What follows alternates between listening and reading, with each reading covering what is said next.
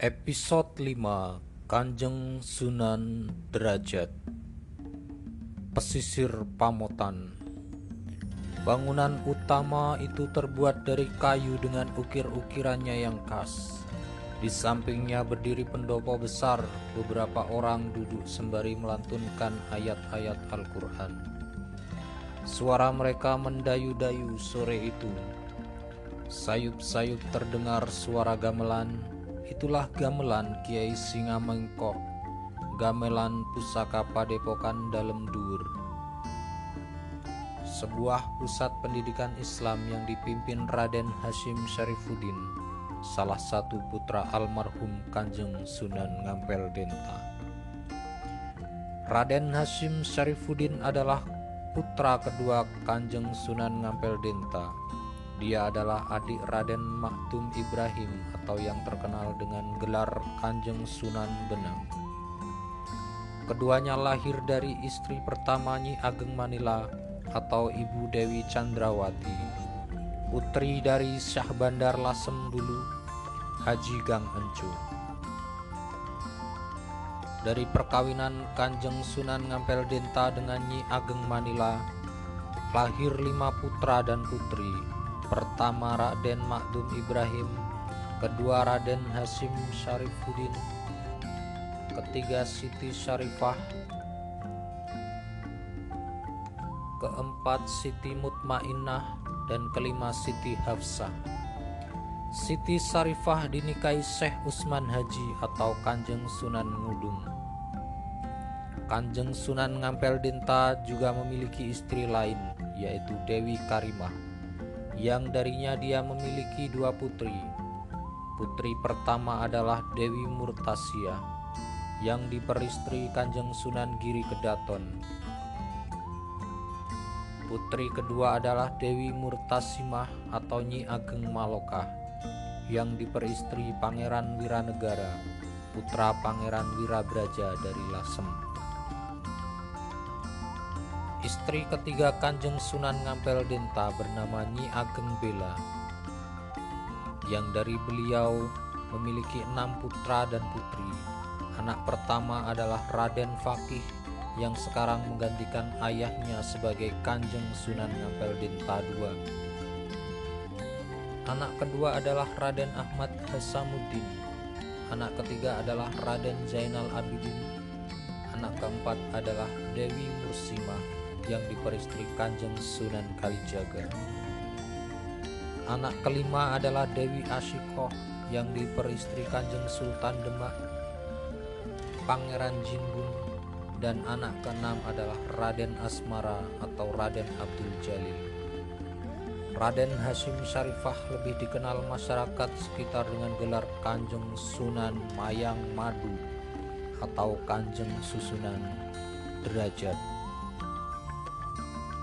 Padepokan Dalam Dur adalah perguruan Islam yang didirikannya. Menjelang senjakala, suara gamelan sudah berhenti. Para santri sibuk mempersiapkan diri untuk menunaikan sholat maghrib.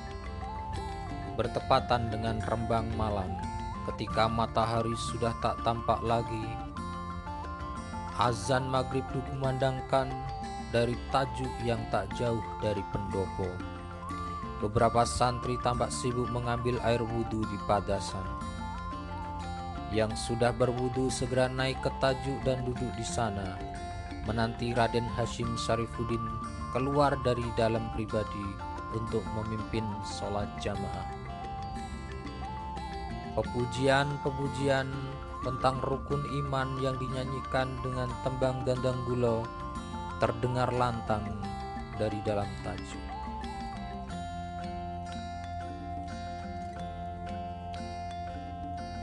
Tembang dadang gula itu terus mengalun dari mulut para santri.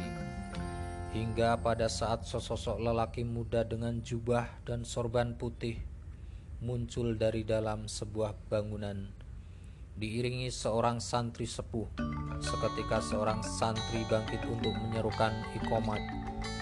Sebuah tanda untuk bersegera mempersiapkan diri menjalankan sholat berjamaah sebab sang pemimpin sholat imam telah hadir. Sosok berjubah putih tersebut adalah Raden Hashim Syarifuddin atau yang disebut dengan Sunan Derajat. Wajahnya tampan, kulitnya bersih, hidungnya bangir, matanya tajam dengan bulu mata yang lentik. Alisnya, alis matanya tebal, tidaklah mengirankan jika ia begitu tampan karena darah Cina, Campa, Pasai, Arab, dan Tagalog mengalir dalam tubuhnya. Dan sholat jamaah pun dilaksanakan. Para santri melakukan sholat berjamaah di luar regol. Padepokan terdengar ringkikan kuda. Tepat di depan gapura tiga penunggang kuda mengamat-amati suasana padepokan. Dalam Keadaan mulai remang, damar sewu dinyalakan, Mata mereka terus mengamat-amati dengan tubuh yang sesekali bergoyang di atas punggung kuda yang menjejak-jejakkan dan mendengus-dengus. Seorang santri yang mendapat giliran tugas menjaga regol melihat tamu-tamu tersebut. Dia segera berlari keluar, mendapati kehadiran mereka beroleh sambutan. Tiga penunggang kuda itu segera turun dari kuda. Assalamualaikum, hampir bersamaan mereka berburu salam. Waalaikumsalam, terdengar sautan dari santri yang berdiri. Ada keperluan apa di sana? Salah satu penunggang kuda memberikan sembah lalu berkata, Kami dari kiri ke Daton, kami ada caraka, yaitu utusan. Padepokan Giri diutus oleh Kanjeng Sunan Giri sebagai Ratu Ulama Jawa pemimpin Majelis Wali Songo untuk menyampaikan nawala. Nawala khusus dari beliau kepada Kanjeng Sunan Derajat. Sang santri terkesiap. Segera dia mempersilahkan tamu dari Giri Kedaton untuk menuju pendopo. Mohon tunggu di sini, saya segera menghadap Kanjeng Sunan. Santri itu memberikan sembah sejenak kemudian berlalu. Tiga utusan dari Giri Kedaton membalas sembahnya. Setelah mencanjang kuda masing-masing, mereka segera bersila di pinggir pendopo. Keadaan sekitar masih tampak remang walau damar sewu telah dipancangkan di beberapa sudut. Kawasan Padepokan Dalam Duur memang luas, cukup luas untuk menampung beberapa ratus santri. Jumlah santri padepokan itu hanya kalah dari padepokan Ngampel Denta dan Kiri Kedaton. Inilah padepokan Islam terbesar ketiga di wilayah Jawa belahan timur, walau baru saja didirikan. Santri yang tadi berlalu tampak berjalan sedikit tergesa-gesa menghampiri mereka yang tengah menanti di pendopo. Sana diutus langsung menuju dalam pribadi Kanjeng Sunan. Mari ikut saya, ujar santri tersebut. Tiga tamu itu segera beranjak dari selanya. Mereka mengikuti sang santri yang melangkah menuju sebuah bangunan besar, kediaman pribadi Kanjeng Sunan Derajat. Memasuki pintu dalam, mereka disambut dua santri sepuh. Sampai di situ, tugas santri penjaga gerbang mengantar tamunya. Selanjutnya ketiga tamu ganti diantar oleh dua santri sepuh tersebut. Memasuki ruang utama yang lainnya dialasi permadani dan rum dengan warna yang mencolok.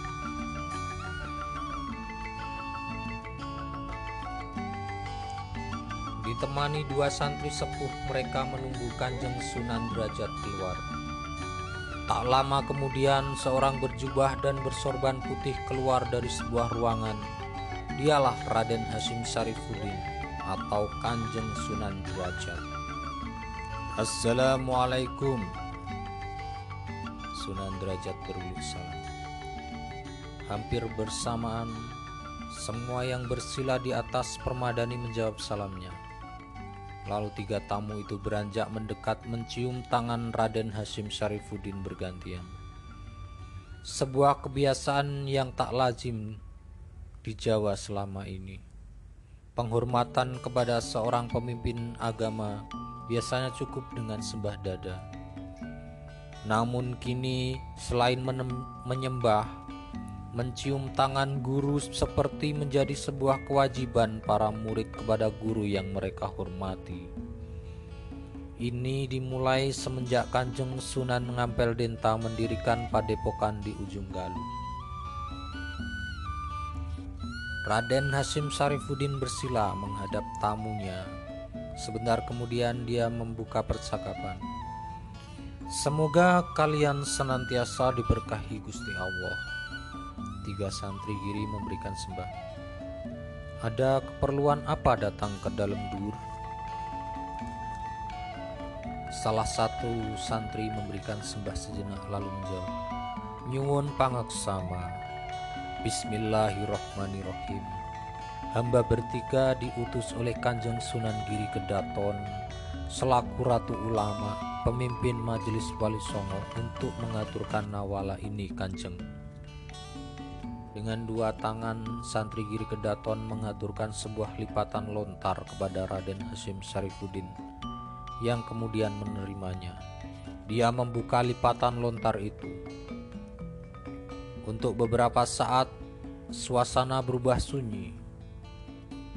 Tiga santri Giri Kedaton dan dua santri sepuh menunggu Raden Hasim Sarifuddin membaca nawala.